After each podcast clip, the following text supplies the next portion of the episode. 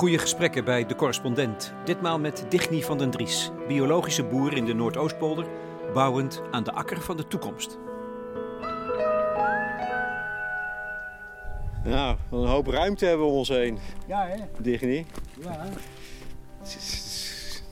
En wat een mooi licht hangt hier altijd, vind ik, in de, in de Noordoostpolder.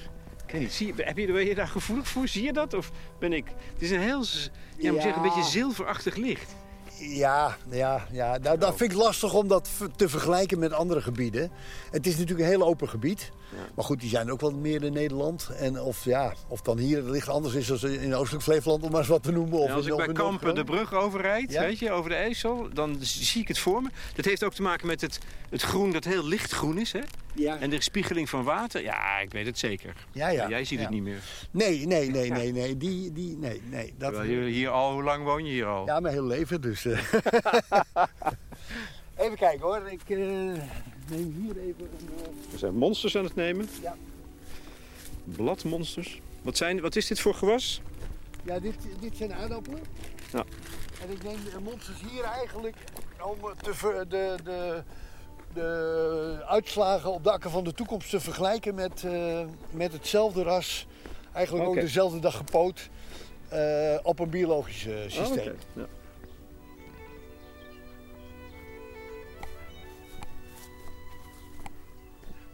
Digny van den Dries is bijna 66. Hij heeft 30 jaar lang een bloeiend biologisch boerenbedrijf gehad in de Noordoostpolder. De boerderij is inmiddels overgedragen op zijn zoon, maar hij is zelf nog steeds op zoek naar nieuwe wegen. Hoe kun je de landbouw verbeteren? Wat zijn de veelbelovende innovaties? We staan nu midden in het veld tussen de jonge aardappelplantjes en met een schaartje knipt Van den Dries hier en daar wat blaadjes af om ze vervolgens in een plastic zakje te stoppen.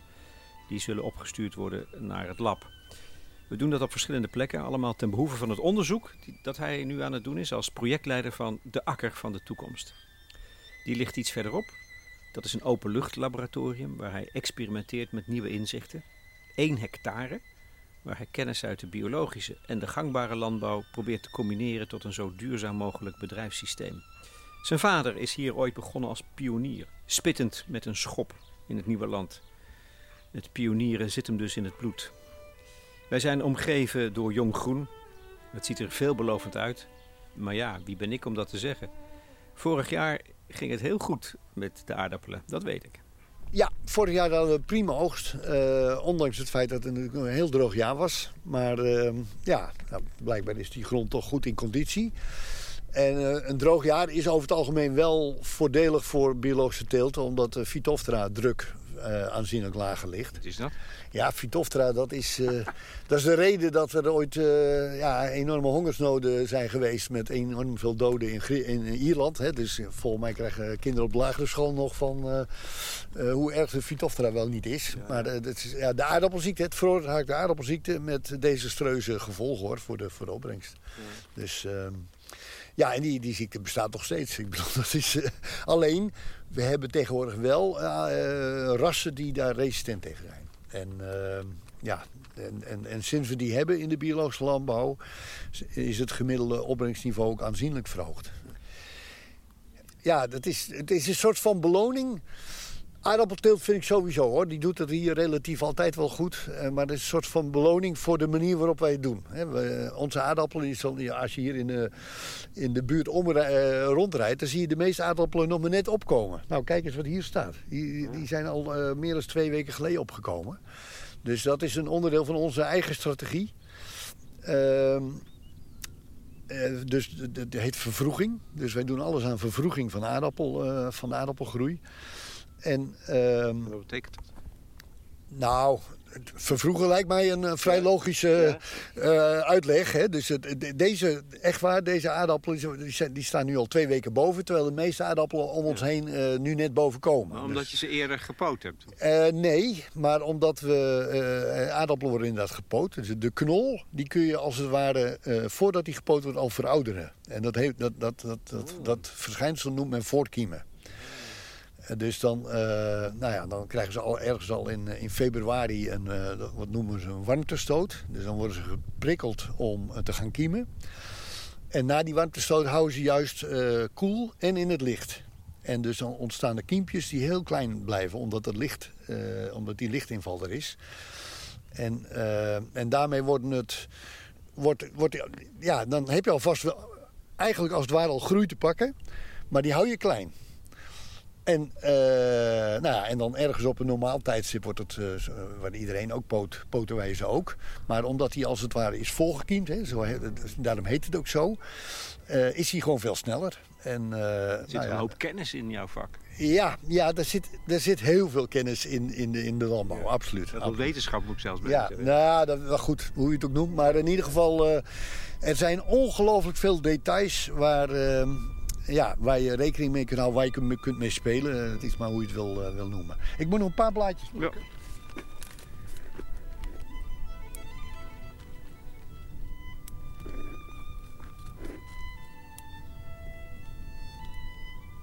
Ze gaan, Nou. ze gaan in het plastic zakje. Ik, eh, ik hoor een veldleverik daar. Vind Ja. vet? Ja, ik ben, ik ben uitermate trots op, eh, op de natuurontwikkeling hier in eh, ons bedrijf. We hebben van oudsher, het zijn echte akkervogels. Die houden ook niet van eh, zoveel van, eh, of die houden per definitie niet van roofvogels. Dus overal, en ook niet van mensen. Dus ze blijven zo ver mogelijk van, van gebouwen af en van bomen af. En van oudsher, nou van oudsher, de laatste 15 jaar hoor, hoor ik hier dus altijd eh, veldleeuwerikken. En eh, ik, ik merk gewoon in de afgelopen jaren dat ze noodgedwongen steeds meer naar, naar eh, mijn eh, erf toe trekken. En ik zeg noodgedwongen, omdat ze hier zo succesvol zijn. Die hebben ook weer hun territorium. Dus zij verdrijven elkaar steeds meer naar, ja, voor hun eigenlijk ongunstiger streken, zullen we maar zeggen. Maar nee, ze doen het hier geweldig. En, wij passeerden net een, een veld van je zoon... waar we twee grote buizerds zagen. Ja, dat zijn dan de vijanden. Maar dat, is, dat, dat maaien op zo'n manier... dat dat de populatie van de leeuwerikken ten goede komt. Ehm, nou ja, het mooiste zou zijn volledig niet nooit maaien. Maar goed, dat, dat zit niet in dat pakket. En dit is een hele, eh, dit is een hele redelijke alternatieve vorm... waarbij eh, nou ja, ongeveer een derde blijft staan. En pas weer eh, over een maand of zo, eh, of over anderhalve maand pas weer gemaaid wordt.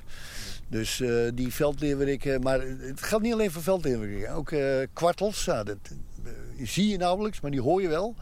Ja, niet, niet nu op dit moment, maar ik weet zeker die, die gaan we tegenkomen dit jaar. Want die heb ik ook eigenlijk al wel de laatste 15 jaar gehoord. En, en, en vorig jaar in hetzelfde type veld heeft degene die aan het maaien was, heeft zes jonge kwarteltjes eh, zien lopen. En, eh, ja, en dan is het goed dat er die, stukken eh, niet gemaaid worden, want dan kunnen ze in, in, in wegvluchten. En, eh, want ja, zodra er gemaaid wordt, komen er ook roofvogels die met name op muis, zich op muizen richten. Hè. Dat, alles wordt ineens zichtbaar na dat maaien. En dan, eh, ja, dan eh, is het eh, voor de roofvogels eh, feest. Dan kunnen ze, kunnen ze muizen. En natuurlijk, als een jong vogeltje daar blijft, maar die zullen, ze- die zullen wel vrij snel eh, in- juist in dat, in dat niet gemaaide terugtrekken. En, eh, Ja, die, voor, die twee vogels die, zagen, die buizerds, die zaten inderdaad in het, ma- in het eh, pas gemaaide ja, ja, st- ja, stroken. ja, ja, ja. En dat is, de, dat is de natuur. Jij bent Ja. boer, biologische boer, maar dit gaat over natuurontwikkeling. Dat vind je een, eigenlijk een, een onvervreembaar onderdeel van je, van, je, van je bedrijf. Ja, ja, ja, ja. Ja, ik ben ervan overtuigd. Eh, Kijk, wij, de grap is dat, dat eh, de, zeg maar, de mensen van onze generatie en daarvoor... die zijn opgegroeid met die platen van... van eh, nou ja, in feite al die landlevend platen... Die, die barsten van de natuur. Dus wij, wij zijn met, als landbouwers erin geslaagd... en dat is een, een heel negatieve kwalificatie... maar wij zijn erin geslaagd om ongelooflijk veel van dat landleven eh, te gronden te richten. En nou, niet dat ik... Dat je, ik vind niet dat je de landbouwers daar nou specifiek de schuld van eh, moet ge mag geven. Want uiteindelijk, ja, ze hebben niets illegaals gedaan. Ze hebben middelen gebruikt. eh, dit is- zijn als het ware in de vaart der volkeren opgestoten. Met hogere opbrengsten, met meer efficiëntie. Maar ook met meer inzet van kunstmest en bestrijdingsmiddelen. En dat heeft, eh, en nogmaals, allemaal legaal. Maar dat heeft wel een enorme eh, degradatie van het, het natuurlijk leven op, op, nou, op, op dit soort plattelandsgebieden eh, veroorzaakt.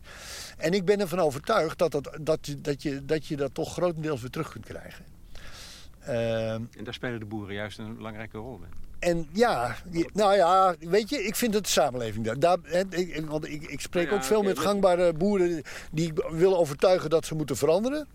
Maar ik vind niet dat ze de schuld moeten krijgen. Ik vind ze zijn belangrijke actoren om het anders te gaan doen. Maar eh, dat ze doen wat ze doen, heeft alles te maken met de econo- economische ordening, met, eh, met eh, de wijze waarop ja, zaken gewoon toegestaan waren en, en, en, en, en eh, fe- feitelijk zelfs als prima werden bevonden. Het is een gedeelde verantwoordelijkheid dus. Ja, het is absoluut een gedeelde verantwoordelijkheid. Ik bedoel, landbouwers, je moet je voorstellen, even als je, als je, als je ehm, eh, inleeft in, in, in, in een landbouwer. Die, eh, als hij naar vergaderingen gaat eh, over, over nou ja, de landbouw in Nederland en zo. Die zijn jarenlang geprezen over dat ze steeds maar betere opbrengsten hadden. Een geweldige noemen dat, overschot op de betalingsbalans eh, veroorzaakte. Belangrijk waren voor de Nederlandse economie op die manier. Ehm, en alle downsides daarvan, die werd gebagatelliseerd. En bovendien, eh, zij worden dan nog specifiek enorm beïnvloed door, eh, door de grote concerns om hun producten te gebruiken. En die, hebben het, ja, die laten natuurlijk daar ook nooit iets negatiefs los over hun eigen producten. Maar alleen en dat ze zo goed werken en dat ze heus niet alle luizen of heus niet alle lieveertbeestjes do- doden. Hè? Dat voorbeeld vooral, dat laatste. En bovendien niets illegaals gedaan. Ja, dan is het ook, vind ik het dus ook logisch dat je, eh, eh, ja, dat je niet tegen landbouwers zegt het is jullie schuld. Je kunt wel zeggen, je hebt een grote, je, je hebt mogelijkheden in handen om het anders te gaan doen. Of je moet ze op zijn minst in handen gaan krijgen. En eh, nou ja, En, en da- daar, daar besteed jij hier, ik, ik heb begrepen, 10% van je, je grond aan. Aan natuurontwikkeling. Dat is een voorbeeld om het, om het te organiseren. ja, ja, ja. Ja, nee, dat klopt. Eh, Wat doen jullie nou voor dingen? Nou ja, dat, die, die- je ziet daar een strook. Ja? Ja, die, eh, die, die- die gaan we niet oogsten. Dus daar, die, die, Ja. hè, dat, eh, eh, eh, dat- en dat is bloe- uiteindelijk bloemrijk. En er komen veel insecten. En insecten, dat is allemaal voer voor jonge, vooral voor jonge vogels.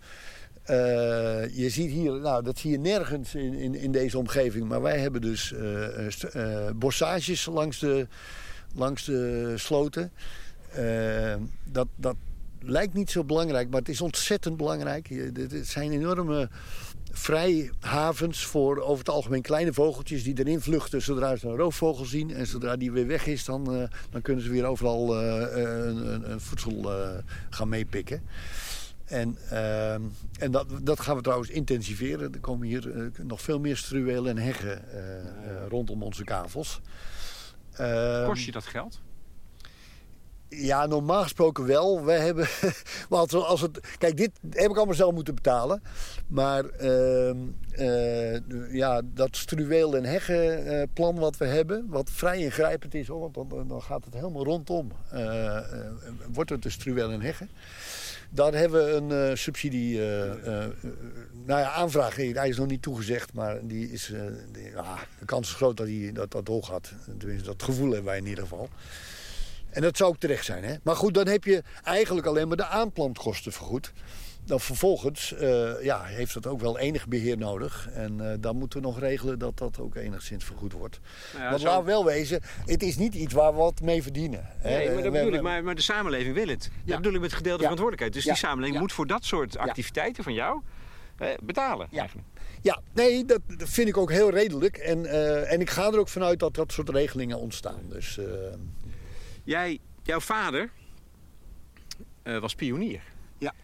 Die heeft met een schop hier ergens... eh, sloten gegraven. Ja. Ja? ja. En tot zijn, eh, dat, tot zijn onuitspreken, hij heeft, hij heeft volgens mij drie maanden sloten gegraven. Nou, als iets zwaar werk is, is dat het wel.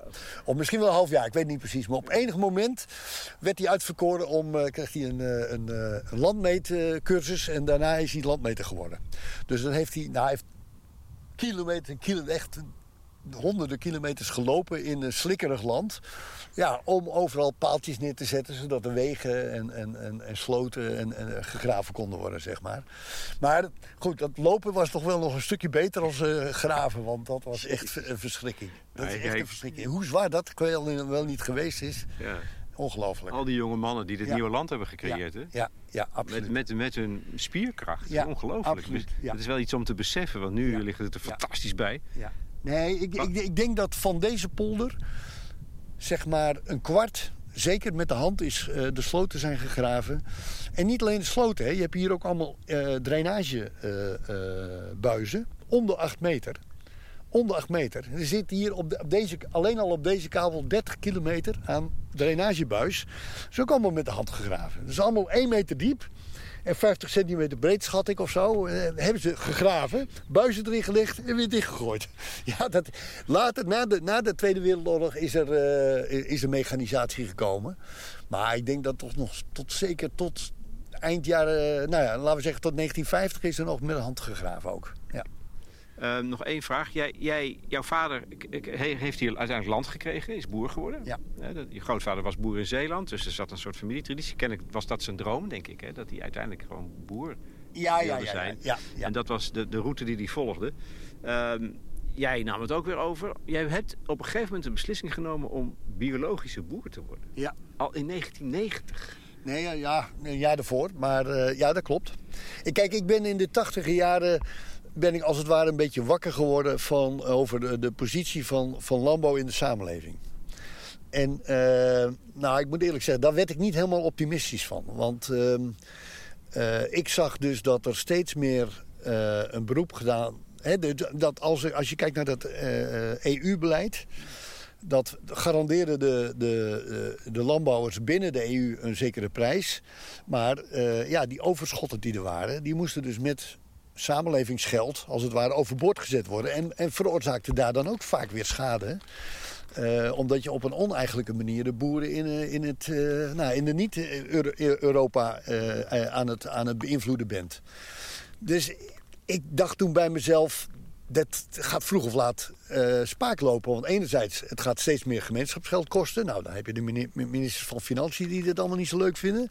Bovendien, je totale draagvlak verdwijnt. Hè? Want vanuit de consument gezien, vanuit de burger gezien... die ziet op een gegeven moment eh, landbouw steeds meer geld kosten. Dat is één. Of dat, in ieder geval wordt hem dat ook verteld door de ministers van Financiën. En door politieke partijen die dat anders willen. Eh, en verder in zijn beleving eh, eh, ontstaat steeds meer van... nou ja, oké, ik zie op tv iemand met een spuitkar rijden... of ik, zie allemaal kip in een heel klein hokje... of ik zie intensieve kastproductie... of nou ja, eigenlijk al die uitwassen... of een strontkar over het... dat, was de, dat was het beeld van landbouw voor een, normaal, voor een, een, een, een argeloze burger. Nou, dat zijn posities die wil je op langere termijn niet hebben. Dan, dan, dan, on- ja, dan, dan, dan on- ontvalt je draagvlak. Dat was mijn overtuiging. En, ehm, maar ja, goed, wat, wat dan wel? En ik dacht, ja, dan moeten we die overal waar negatief geoordeeld wordt over landbouwers, moet je kijken, kunnen we dat dan veranderen? En dat, dat vond ik toen in de biologische landbouw. Is dat een eh, moeilijk proces? Ja, zeker. Zeker. Daar heb ik toch wel, eh, ja, wel, wel twee jaar over nagedacht, zeg maar. Om, hè, je, je hebt twee dingen. Je, je- ten eerste moet je besluiten. En ten tweede moet je het dan gaan uitvoeren. Nou, voordat ik besloten had, had ik echt... Er kwamen wel honderd vragen op me af. Nou, honderd vragen is zoveel om te beantwoorden. Dat ik zeg, ja, dat gaat niet lukken. Totdat, en dat is echt wel een cruciaal iets geweest. Ik, ik ben toen een keer bij een, eh, bij een, een excursie gehad bij een biologisch landbouwer. En dat was een vergelijkbaar bedrijf met mijn eigen bedrijf. En ja, die man liep fluitend rond. We wisten het op een hele... eh, en niet... Kijk, eh, toen werden ze nog aangeduid als geitenwolle sokkenfiguur. Maar deze man was gewoon ook net iemand zoals ik. Ietsje ouder, maar goed, hij kon het op een hele normale manier vertellen. En beargumenteren. En zijn bedrijf draaide goed. Ja, toen dacht ik, toen ik terugkwam naar uh, reed naar huis, dacht ik, ja, wat hij kan, dat moet ik ook kunnen. Dus daar ging bij mij de knop om. Ik ga het gewoon doen.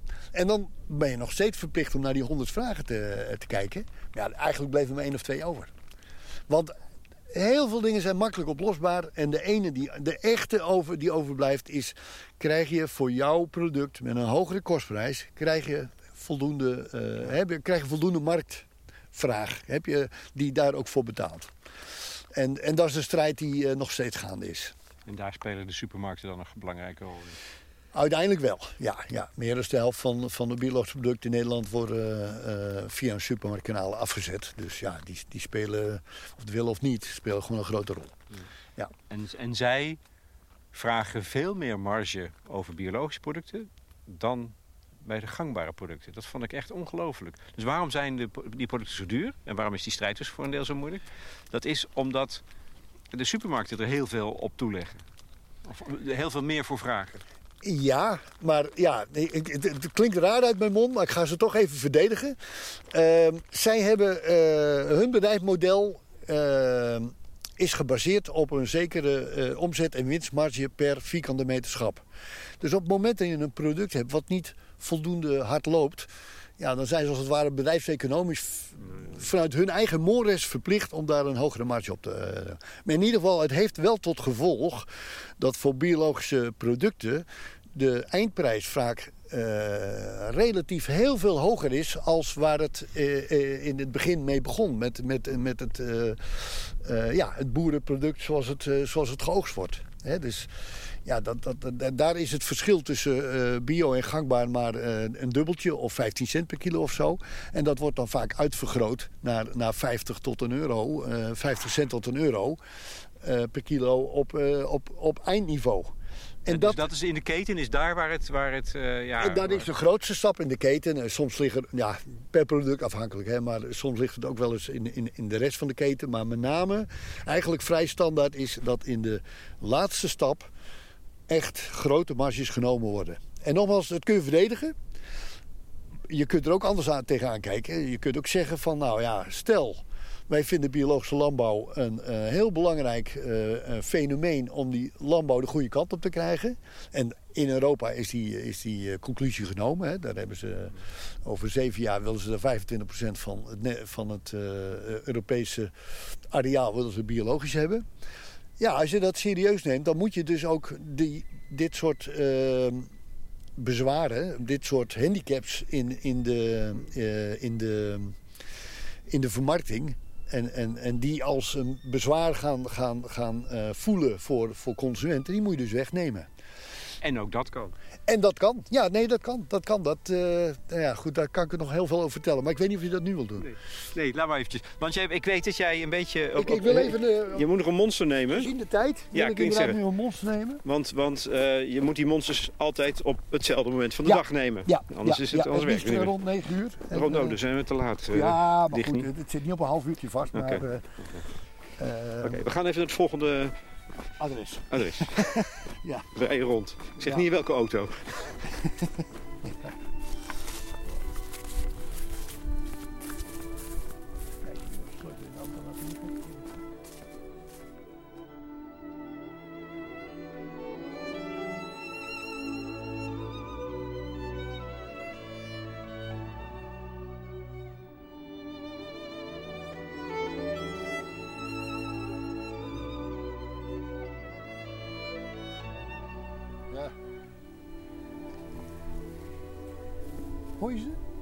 Ja, kikkers.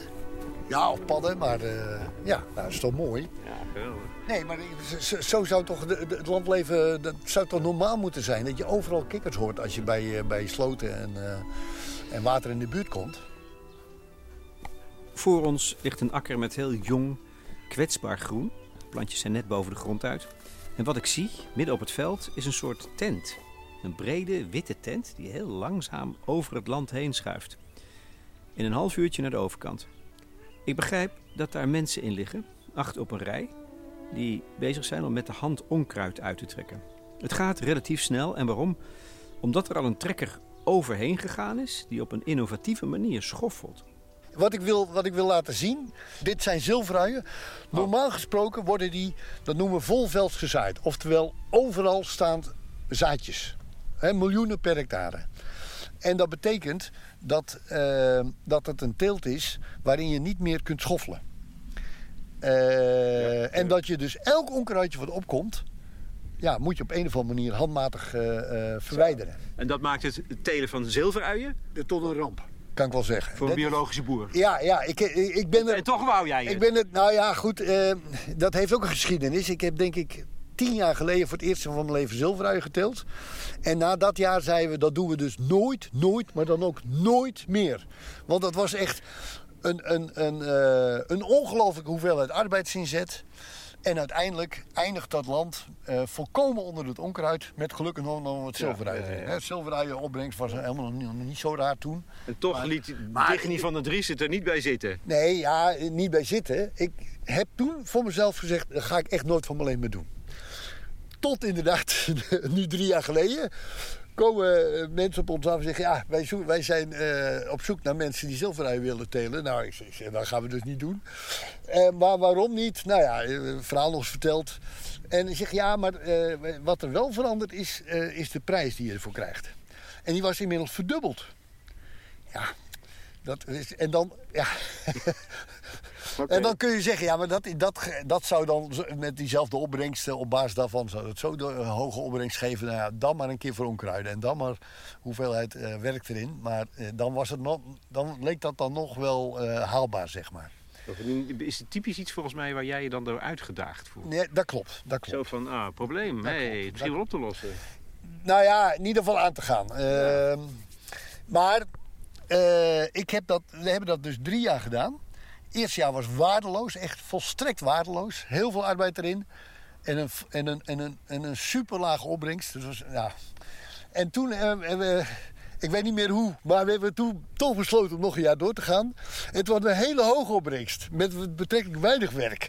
Dus toen eh, hadden we de smaak te pakken. Toen zeiden we, nou, want het, met die hoge prijs was dat natuurlijk een hele goede, echt een hele goede eh, klapper. En ehm, eh, toen zeiden we, nou ja, dan gaan we natuurlijk eh, mee door.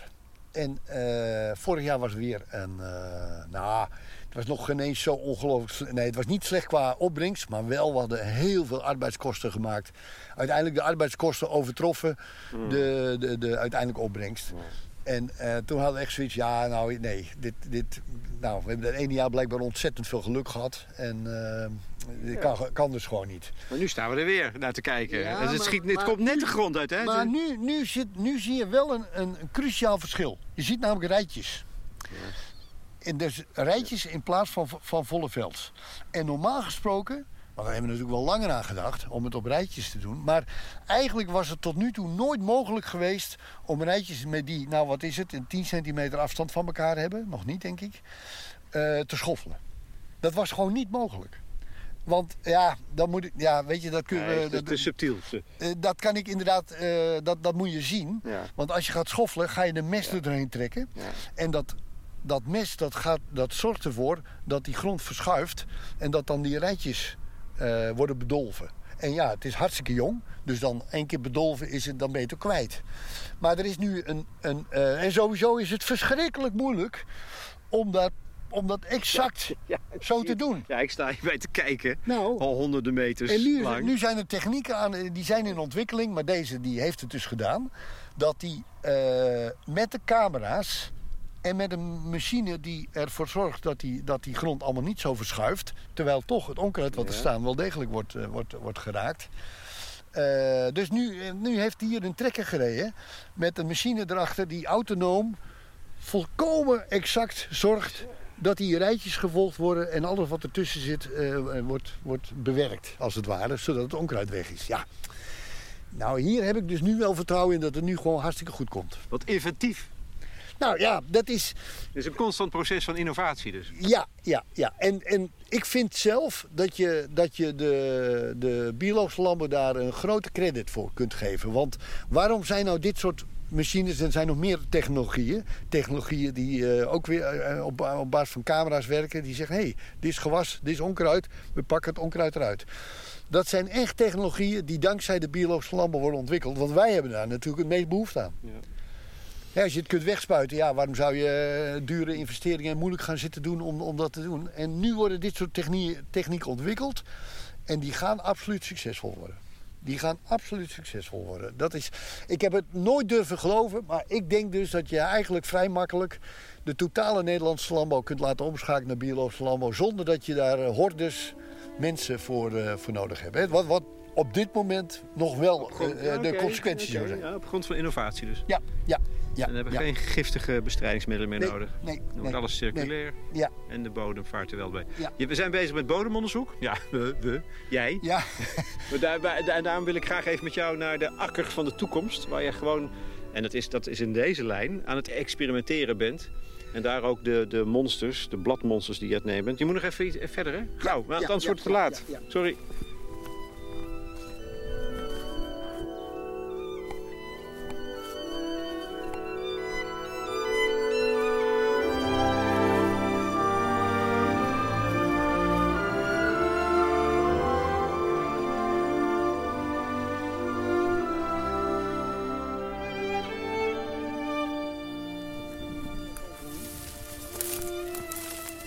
Door een droge sloot. Hij heeft het niet droog, ja. Dus het is niet, Oh, als je hoeft niet bang te zijn dat ik erin glijdt. nee. Het is droog. Dat is nog best een, eh, steile... Ja. Dankjewel. Krijg een hand. Iets verderop staan ze te spuiten. Oh, ja, ja, die- met Roundup aan het eh, stippen heet dat. Ja, Hoe, hoe, zie, hoe kijk je daar dan naar? Je rijdt er dan langs.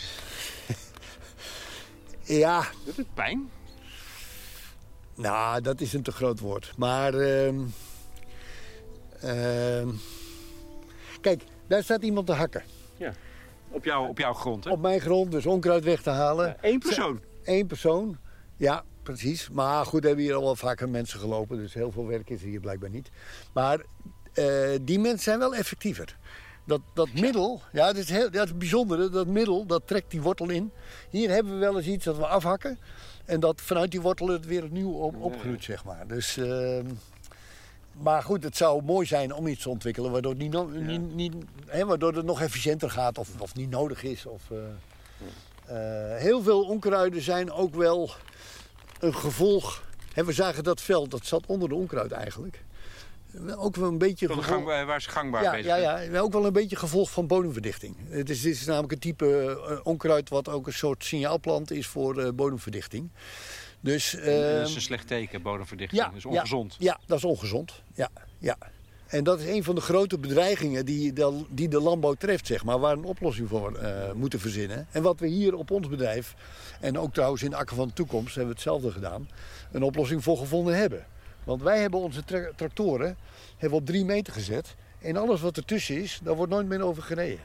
Oftewel, dit, hier heb je een plant die, die heeft niet last van die bodemverdichting. Die kan gewoon doorgroeien. En daarom hebben we hier die problemen met die signaalplanten hier ook niet zo.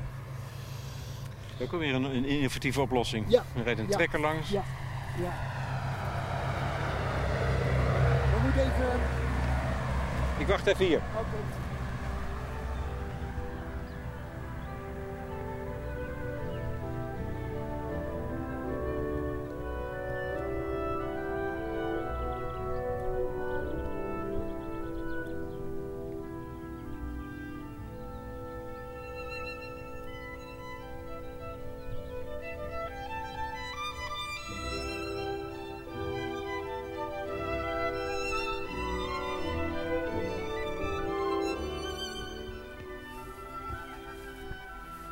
Nou, hier ligt de akker van de toekomst. Digny van den Dries. Jij bent nu al 50 jaar boer. Ja. Ehm, en je bent nog steeds aan het experimenteren. Ja, ja, ja, wat dat betreft is landbouw, en zeker eh, de landbouw die buiten plaatsvindt, is een eh, oneindige bron van, van, van eh, ja, kijken naar mogelijkheden die het dan toch weer beter doen. Maar is dat ook een beetje... boeren, boeren zeggen ze wel eens, dat is ook een manier van leven. Dat is niet alleen maar een manier van produceren, maar is ook een manier van leven. En hoort dat er een beetje bij in jouw ogen? Dat, dat risico nemen. En niet bang zijn voor, nou ja, niet weten wat het resultaat zal zijn. Nou, in ieder geval niet bang zijn. Want ja, weet je, eh, wij zijn voor een belangrijk deel afhankelijk van de natuur. Dus ja, als je. eh, en, en, en die laat alle, allerlei gezichten zien. Dus ja, als je, als je daar met angst eh, naar kijkt, dan, eh, dan heb je geen vrolijk leven. Dus dan zou ik je absoluut afraden om, eh, om biologisch of om, om boer, überhaupt boer te, Überhaupt eh, boer te worden. Maar je moet eens Eh, klappen kunnen, je moet incasseren. ja, je moet kunnen inca- incasseren. Ja, simpelweg omdat, omdat je op elk moment kan er een keer 100 mm uit de rug vallen. Nou, dat is vrij desastreus voor, eh, en dat gebeurt zelden gelukkig. Maar het kan wel. Maar goed, je, je ziet ook dat eh, door eh, ja, landbouw... Je kunt landbouw, eh, hoe noemen we dat, activiteiten zodanig inrichten dat die beter bestand zijn tegen, de- tegen dat soort extremen. En dat is, eh, nou ja, dat is iets wat toch de laatste tien jaar wel duidelijk wordt dat we ons daar tegen moeten wapenen. Dus dat is op zich al een, een reden om aan vernieuwing te doen. Je hebt hier, ligt hier voor ons, het is 1 hectare geloof ik hè? Ja. Nou, hier liggen allemaal ruggen. Er wordt nog een beetje be- be- bewaterd zie ik met een systeem. Er loopt hier een klein beetje water weg uit, Ja, eh, uit ja. leidingen over de ruggen waarin worteltjes zijn gepoot. Daar staan tulpen. Jij bent hier onderzoek aan doen. Hier vindt een bijzonder experiment plaats met de bodem. De, de, de, ja, de interactie tussen bodem en plant. Kun je dat uitleggen, wat je aan het doen bent? Ja, het is wel het overigens breder hoor. Maar goed, Ja, de bodem is wel de basis. Ehm, nee, als ik het eerst even eh, het bredere kader schep, dan is het als volgt. Eh, wij willen hier een landbouw ontwikkelen die eh, de inzet van chemie met 90% vermindert. De inzet van eh, met kunstmest, ehm, nou ook eigenlijk in, in, in, het ligt iets genuanceerder, maar eh, ook aanzienlijk vermindert. Eh, de inzet van water vermindert. De inzet van fossiele energie en energie in zijn algemeenheid vermindert. En die ehm, een, een, een, een mogelijkheid biedt voor natuurontwikkeling die past bij, eh, ja, die nog wel past bij landbouw. Ik bedoel, eh, we moeten niet de illusie hebben dat landbouw natuur wordt. Of een natuurgebied wordt, want dat is natuurlijk niet zo. Ik bedoel, landbouw is ervoor voor om, om, om, om, eh, om, voedsel te maken. Nou ja, dat is een onderdeel van wat we, of dat is ook een doelstelling. Eh, overigens is het ook een doelstelling om het inkomen van die boeren op peil te houden. Ja. Dus, eh, dus, Ja, eh, alles bij elkaar. ja, want kijk, anders kun je wel wat ontwikkelen, maar Ja. ja. dan wordt het niet overgenomen. Het is ook een uit, uitdrukkelijk de, eh, een doelstelling dat dit een herkenbaar iets is voor de omgeving. Waardoor ze kunnen zeggen van, hé, hey, nou ja, dan doen ze dat al een aantal jaren. En eh, ik zie hier allerlei technieken en allerlei dingen eh, zich voordoen en allerlei resultaten. Nou, dat ga ik ook doen. En met name ben jij de laatste tijd gegrepen door de theorie van een Amerikaanse boer. Ja, nou ja, oorspronkelijk was hij boer, maar eh, hij, heeft nu, hij is nu opperhoofd van een, eh, van een adviesorganisatie. Eh, John Kempf. En ehm, ja, die in feite toch ook heel veel door te lezen en door allerlei wetenschappelijke publicaties, en maar ook door zelf te, te observeren. Eh, tot de overtuiging gekomen is dat de, de, de, eh, de, de, de, de manier waarop een planten zich voeden en de, de mate van gevoedheid bepaalt zijn resistentie tegen ziekte en plagen. En zijn, z- zijn, uit, ja, zijn uiteindelijk eh, de worst, zoals, zoals ik het dan zelf maar het liefst omschrijf, is dat je een plant zodanig kunt voeden dat hij niet meer ziek wordt. En de consequentie daarvan is dat je dus geen Ja. middelen meer hoeft te gebruiken. Dat de bemesting op een eh, veel natuurlijke manier gaat plaatsvinden. En dat, eh, dat je gewoon ook gewoon een goed opbrengstniveau hebt. Want een, gezonde plant geeft gewoon een go- eh, goede opbrengst. Daar hoeven we niet over te twijfelen. En dat ligt dus aan de gezondheid van de bodem. Dus dat wat er allemaal in die bodem gebeurt, want dat weten we volgens mij inmiddels van bomen, in, eh, de- de- door Peter Wolleben, ehm, dat er ongelooflijk veel communicatie plaatsvindt. Ja. Eh, eh, in de grond, tussen bomen onderling, via de wortelsystemen. Maar er zitten allerlei andere organismen die daarbij, eh, systemen die daarbij helpen. Dat is dus met planten in principe ook zo. Ja, ja, ja. Nee, dat, ik bedoel eenduidig ja. Aan, eh, aan de andere kant, eh, eh, hij beschrijft een, een, een bossysteem waarbij niet in de bodem geroerd wordt. Hè, waarbij het nou, in feite bij wijze van spreken al een eeuw lang eh, on- eh, eh, ja, niet, niet beïnvloed wordt door, door, door mensen. En ja, op het moment dat je het hebt over voedselproductie, dan, dan grijp je in ook in de bodem. Met bewerkingen, en vooral met bewerkingen. En dat betekent dus ook dat je talloze, waarschijnlijk toch talloze vormen die in een bos mogelijk zijn, op een akker niet mogelijk zijn. Maar dat wil niet zeggen dat er niet heel veel overblijft. En in ieder geval eh, is mijn overtuiging, en dat is eh, met name ook wat die Kemp eh, voortdurend beweert, en, en, waar heel veel aanwijzingen voor zijn dat het zo is, Er is ongelooflijk veel tussen de plant en het bodemleven zelf. Hè? Dus schimmels en bacteriën die in de grond voorkomen. En waarbij planten signaalstoffen kunnen afgeven aan, aan schimmels of aan bacteriën. in de zin van, joh, jij krijgt van mij suikers om te leven, maar geef mij dan wat borium terug. Of molybdeen of stikstof. Of, maakt niet uit wat. Iets wat die plant nodig heeft voor zijn groei, om optimaal te groeien, dat kan hij, dat heeft hij, uh, daar, heeft hij een, dat is, daar is een, een ruilsysteem voor. En uh, dat ruilsysteem, dat hebben we in, ja, in onze landbouwontwikkeling van de afgelopen 50 jaar, hebben we dat volledig genegeerd. En dus wij, uh, wij, hebben, wij hebben eigenlijk de grond gezien als een soort van substraat waar je uh, planten in stopt en waar je bij je voedingsstoffen bij stopt. En waarbij eigenlijk puur vanwege een chemisch proces, namelijk een, een osmoseproces. Hè, dus allerlei uh, plantenvoedende stoffen opgelost in water die dan dicht bij een worteltje komen en dan via een osmoseproces uh, die, die, die plant ingaan. dat is onze basis, onze kijk geweest van ja, hoe, hoe je planten goed kunt laten produceren. Nou, dat laatste ga ik niet ontkennen, want uh, dat is nu eenmaal uh, de, de, de, productieniveaus gangbaar uh, liggen in, in, in West-Europa op een, op een historisch hoog niveau. Maar dat heeft zijn kostprijs. En de, de, kostprijs, ja, het klinkt zo zakelijk, maar de kostprijs is natuurlijk geweest dat we dingen in het milieu zijn gaan veroorzaken. ook verarming van natuur. Het, het hele systeem is, is dusdanig gericht op een hoge productie, maar een zwakke plant... die je dus met gewasbeschermingsmiddelen, heet het dan eufemistisch... je kunt het ook gif noemen, maakt me eigenlijk niet zoveel uit... maar die je met, met eigenlijk natuurvreemde stoffen... Uh, poogt om allerlei ziekten en plagen onder de duim te houden... en die plant uh, maximaal laten groeien. Terwijl de natuur het zelf ook kan. Terwijl de natuur het zelf ook kan.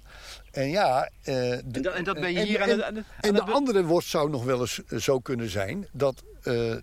de zeg maar, de voeding die daaruit voortkomt, misschien ook nog wel beter is voor ons als mensen. Dat, dat, dat die uitgebalanceerder is dan een, een plant die opgejaagd is in zijn productie. En ehm, je neemt die, die bladmonsters om te kijken uh, uh, hoe gezond die sappen zijn die door de planten heen stromen. Ja, dan ben je, dat stuur, je stuurt het op naar het lab volgens mij. En ja, dan ja, zijn ze daar aan het meten. Maar ik bedoel, zijn, is het veelbelovend? Want wij kijken naar grond, deze akker in verschillende stroken natuurlijk uh, bezaaid. Ja, waar, je, waar je dat laat gebeuren. Ja, kijk, ik, ik, ik zit, of we zitten denk ik nog echt in een leerproces. De, de theorie van deze meneer eh, Kempf is dat een plant uh, allerlei stoffen in een bepaalde verhouding uh, in zijn sap moet hebben. En dan dat is dan een, als het in een, in een zeker optimale verhouding is, dan is dat ook een teken van gezondheid. Nou, en dit is iets wat we kunnen meten, dus dat is, dat is mooi.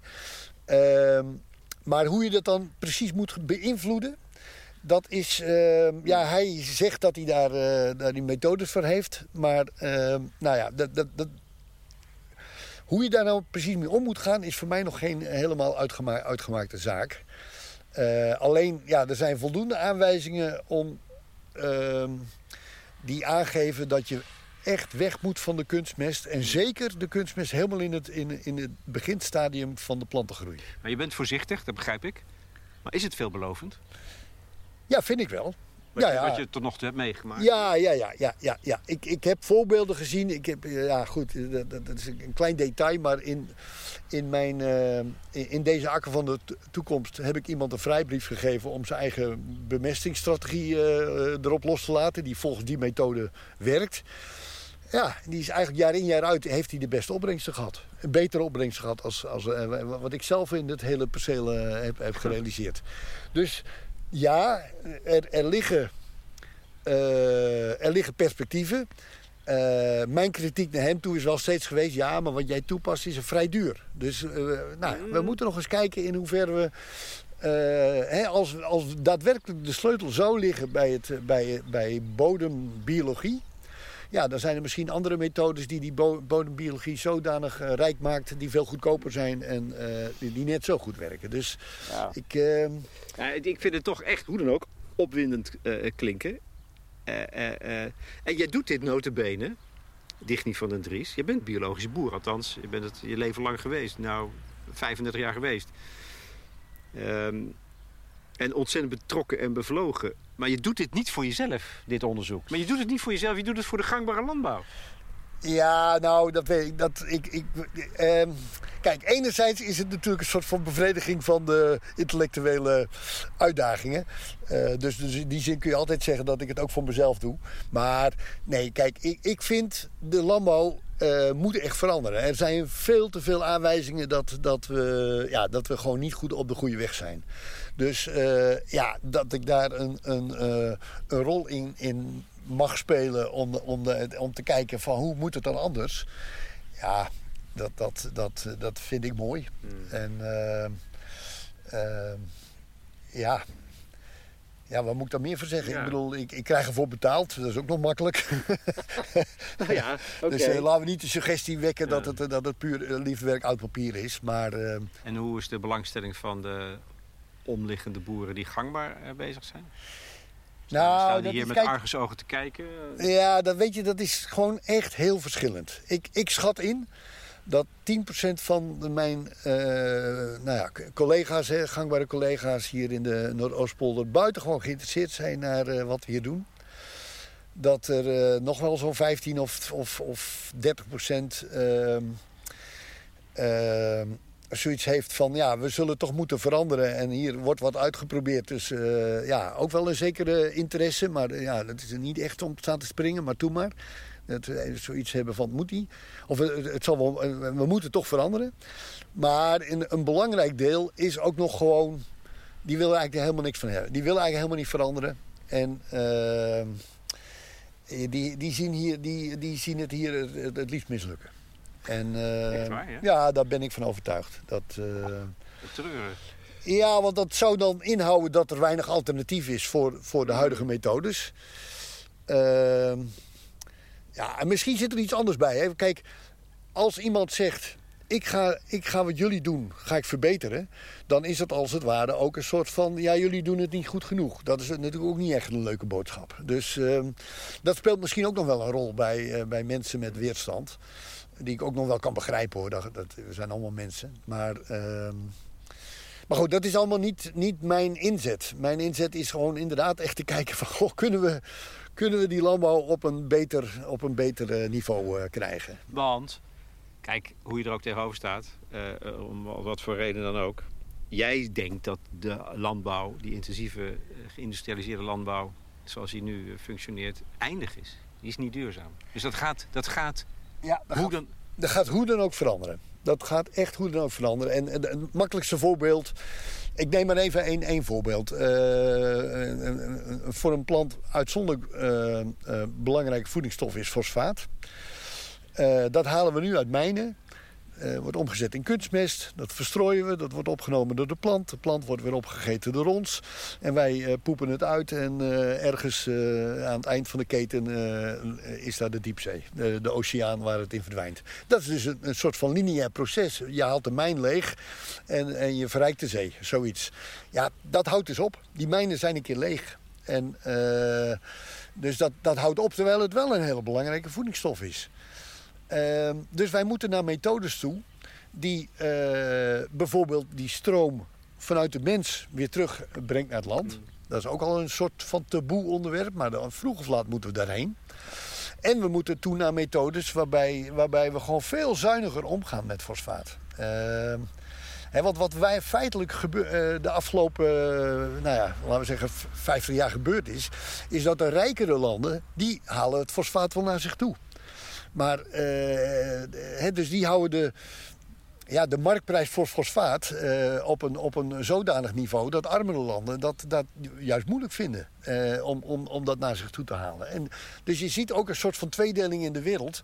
Er worden landen als het ware leeggehaald, leeggetrokken van fosfaat. En dat komt allemaal naar die rijke landen toe. Kijk, ehm, het, het, het, het beste voorbeeld daarin is het veevoer.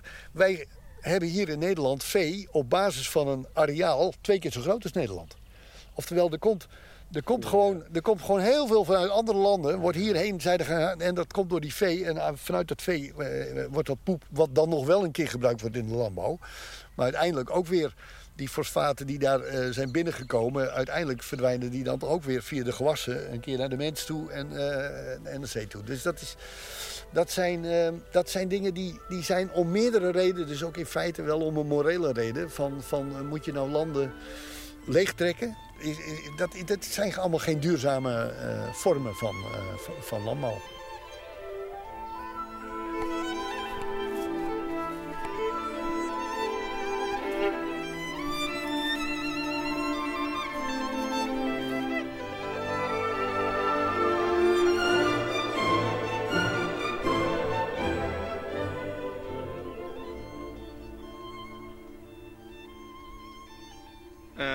Wat is er nodig om die transitie te versnellen? de, de, overgang naar veel meer biologisch. Ehm, en daar ben je wel hoe dan ook een groot voorstander van. Trouwens, het is een opdracht vanuit de EU. We zitten nu op 4%. Ja. Is biologisch. Ja, Dit Is een, een, een, het moet 25 worden. Ja. Zie jij wel, ook wat eh, met jouw innovatieve geest, um, daar mogelijkheden? Hoe dat, hoe dat proces te versnellen? Ja, ja, nee, dat, daar zijn absoluut mogelijkheden. Kijk, eh, ten eerste, eh, ik heb samen met anderen uh, geanalyseerd... waar stokt nu de groei in de afname van biologische producten naar de consument. En dan, ja, hoe je het ook went of keert, dat heeft alles met die prijs te maken. Ja, om, dat dus, om, om daar doorheen te breken, moet je dus één ding echt doorheen breken. Dat is, dat, dat is dat, die, die redenering die die supermarkten erop losgelaten hebben. Eh, dus je moet eigenlijk zeggen, uh, wij kiezen voor een toekomst die gunstig is voor uh, mijn, mijn consument en de wereld. Dus ik ga ervoor kiezen om dat biologische product echt veel lager geprijsd in het schap te leggen. Ik snap dat dat mij, mij marge kost, maar die ga ik terugverdienen met de producten waarvan we allemaal weten dat die eigenlijk ongezond zijn voor het zij de mens, het zij voor de wereld. En dan denk maar aan de, de bier, eh, de koekjes, de, de, de vetten. Nou ja, goed, de, ongelofelijke hoeveelheid. Uh, ik, ik heb een keer, die worden iets duurder. Ik heb een keer, ja precies, die worden dan marginaal duurder. Dat, dat, dat, dat is bijna niks. Terwijl je het goede product uh, gewoon, gewoon heel scherp geprijsd in het schap legt. Hey, dat, heb je is... toch voorgesteld aan de supermarkten? Ja, dat hebben en hoe reageren die dan? Nou, eigenlijk, nou moet ik erbij zeggen, wij hebben gesproken met de duurzaamheidsmanagers van supermarkten. Die hebben ze ook nog, ja. Die hebben ze ook nog. Nou goed, uh, die waren positief. En eigenlijk het vervolg uh, is nu aan het optreden.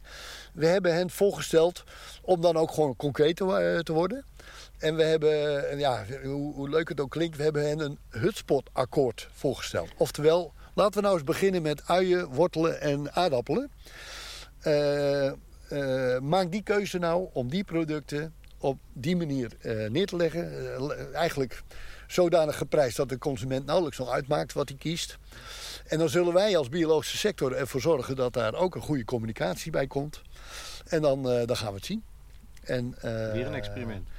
Nou ja, ja, of nou ja, ja, ja, ja, ja, ja, nee, dat klopt, klopt, klopt, kijk, klopt. We zien wat het resultaat is. Ik, ben, ik ben heel benieuwd. Ja, ja. En overigens willen we heel snel doorschakelen hoor. We willen eigenlijk heel snel doorschakelen naar uh, naar het voorstel van oké, nu gaan we echt de ambitie nemen om in uh, eh, 2030 die 25% biologische uh, ruimte op het schap te realiseren. En daar, daar gaan we ook gewoon, ja, we gaan niet zeven jaar wachten met, met meten. We meten gewoon elk jaar wat de voortgang is. En dat we een beetje op, op dat pijl komen. Dat is toch dat is wel een transitie, hè? Van, van 4 naar 25. En, en je, zegt, en je zegt dat, dat de helft van de boeren hier in de omgeving... die, uh, die, die ziet het liefst mislukken. Dus, dus is er genoeg potentieel? Ja, ho, ho, is, er, genoeg potentieel? Nee, hier moet ik wel iets essentieels over zeggen. Hè?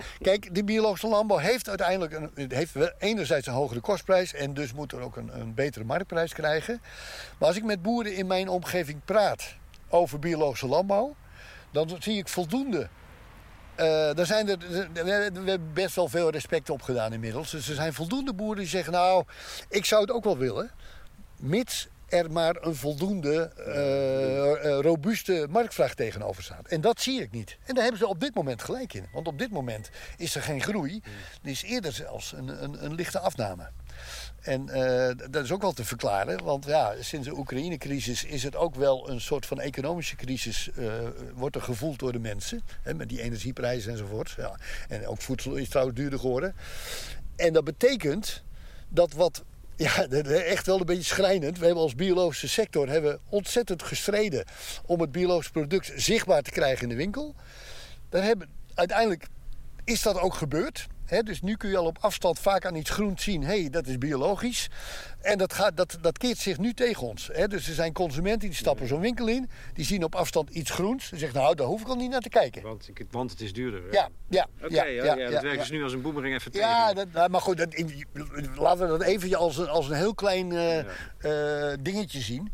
Uh, er is alle redenen om nou ja, die voorstellen die we gedaan hebben om dus met die marges te, te, te gaan verschuiven, hè, want dat is het feitelijk. En overigens, het is een hun. Hè. Als ze zeggen, nou, we laten, het, eh, we laten het ten koste van de winst, helemaal mooi. Maar uh, ja... Ja, nee, het is ook heel goed. Ongezonde producten mag je best duurder maken. Ja, je? Dat precies. Is precies. Hey, dat is één maatregel die je hebt voorgesteld met een clubje mensen. Ja. Uh, er is nog iets. Ja, kijk, we, kunnen er ook niet onderuit dat, uh, ik, ik, vertelde het net, hè, de kostprijs van biologische producten is hoger als de kostprijs op, op hè, van de productie is hoger als de uh, kostprijs van gangbare productie. Alleen, je moet je realiseren dat die gangbare productie een aantal uh, kosten met zich meebrengt die we uh, of naar de toekomst verschuiven, dan wel uh, ja, over de hele gemeenschap uitstrooien. Hè? Dus zeg maar de, de, de stikstofproblematiek ja, dat wordt nu met 24 miljard opgelost, zogenaamd. Ja. Uh, dat, is, dat is gemeenschapsgeld, hè, terwijl het uh, veroorzaakt wordt door, door de manier van landbouwen. En zo zijn er uh, op het gebied van bestrijdingsmiddelen vergelijkbare hè, de zuiveringsschappen die, die moeite hebben om, het, om, om, om zaken onder een bepaald niveau te krijgen. Ehm, nou ja, de teruggang van de natuur, ik geloof dat we het er net over hadden ja, dat is ook een gevolg van hoe wij met z'n allen landbouwen. Dus uh, op het moment dat je dat anders inricht. En nogmaals, in mijn ogen is biologische landbouw daarin een heel belangrijke uh, vorm uh, van hoe het anders kan. Dat heeft dus. Dat heeft dus dat, dat, dat, maar die, krijgt die, die neemt die kosten wel. die maakt dat wel zichtbaar.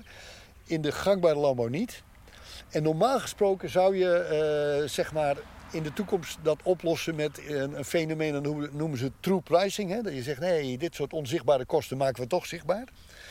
Maar goed, wij, wij denken dat dat nog wel tien jaar duurt voordat echte true pricingsmechanismes uh, een echte rol gaan spelen, echt geïmplementeerd gaan worden. Dus vanuit de groep waarin ik werk, wordt nu geredeneerd, nou ja, laten we, laten we het B2-instrument gebruiken.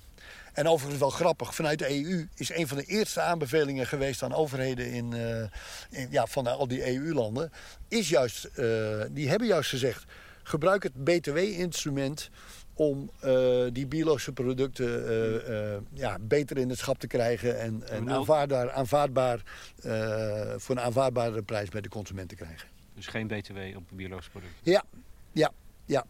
Doen, morgen doen. Ja, dat is, eh, weet je, er is heel veel btw-discussie geweest de, eh, de afgelopen maanden. Ja. En maar het ging over groenten. En nou, men kan blijkbaar niet helemaal precies beoordelen wat nou uh, groente is en wat niet meer groente is. nou, dat is met biologische productie is dat valikant anders. Dat is namelijk, het is of een biologisch product en dan is het gecontroleerd en dan staat er een stickertje op. En, uh, of niet. Dus de, de, de begrenzingen daarvan zijn uh, glashelder. Glashelder. Dus inderdaad, het kan gewoon morgen ingevoerd worden. Zeg, Digny van den Dries, uitkijkend over deze akkers. De, de, de, akker van de toekomst. Heb jij vertrouwen in de toekomst? ja, ik, weet je... Ik, uh, net als elk mens denk ik hoor, ik, ik, het is een golfbeweging. Soms dan uh, heb ik veel vertrouwen, maar in, ik heb ook wel hele pessimistische buien. En we hebben het als mensheid toch wel ver laten komen. En, uh, en er is toch wel heel veel nodig om te veranderen. En verandering doet pijn. Eh, bepaalde veranderingen zeker. Hè? Ik bedoel, uh, ik, ik, geef een ander voorbeeld. Laten we zeggen, 15 jaar geleden was denk ik 25% of 30% van de menselijke van, van de, de, gezinsuitgaven waren voor voedsel. Dat is nog maar 10%. Uh, wil je mijn ideeën, mijn toekomst, mijn positieve toekomstbeeld ehm, werkelijkheid laten worden, uh, dan, ja, dan gaan we weer relatief meer voor ons voedsel betalen. En dat betekent ook dat je bepaalde dingen niet meer kunt doen. Dat je nou ja, misschien een keer minder op vakantie uh, of een vakantie dichtbij. Nou zijn er heel veel redenen dat dat sowieso moet gebeuren. Hè? Dat, ik bedoel, hoef ik alleen maar naar de fossiele discussies uh, te verwijzen. Hè, dus wij als mensheid, als westerse nou ja, mensheid in een gelukzalig deel van de wereld wij moeten ons echt realiseren van, van uh, ja, moeten we ook niet ons leven een klein beetje veranderen. Omdat dat gewoon uh, uiteindelijk voor die duurzaamheid van het leven uh, gewoon nodig is. Dank je.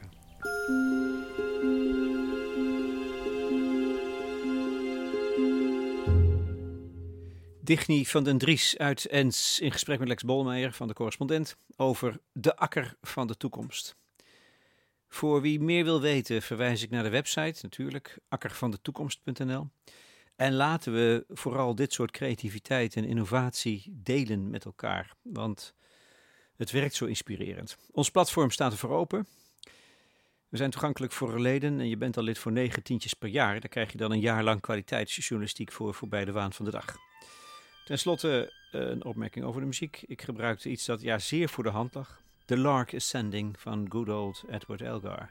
Met Janine Jansen als soliste op de viool. Ook in de muziek stijgt de leeuwerik op naar grote hoogte.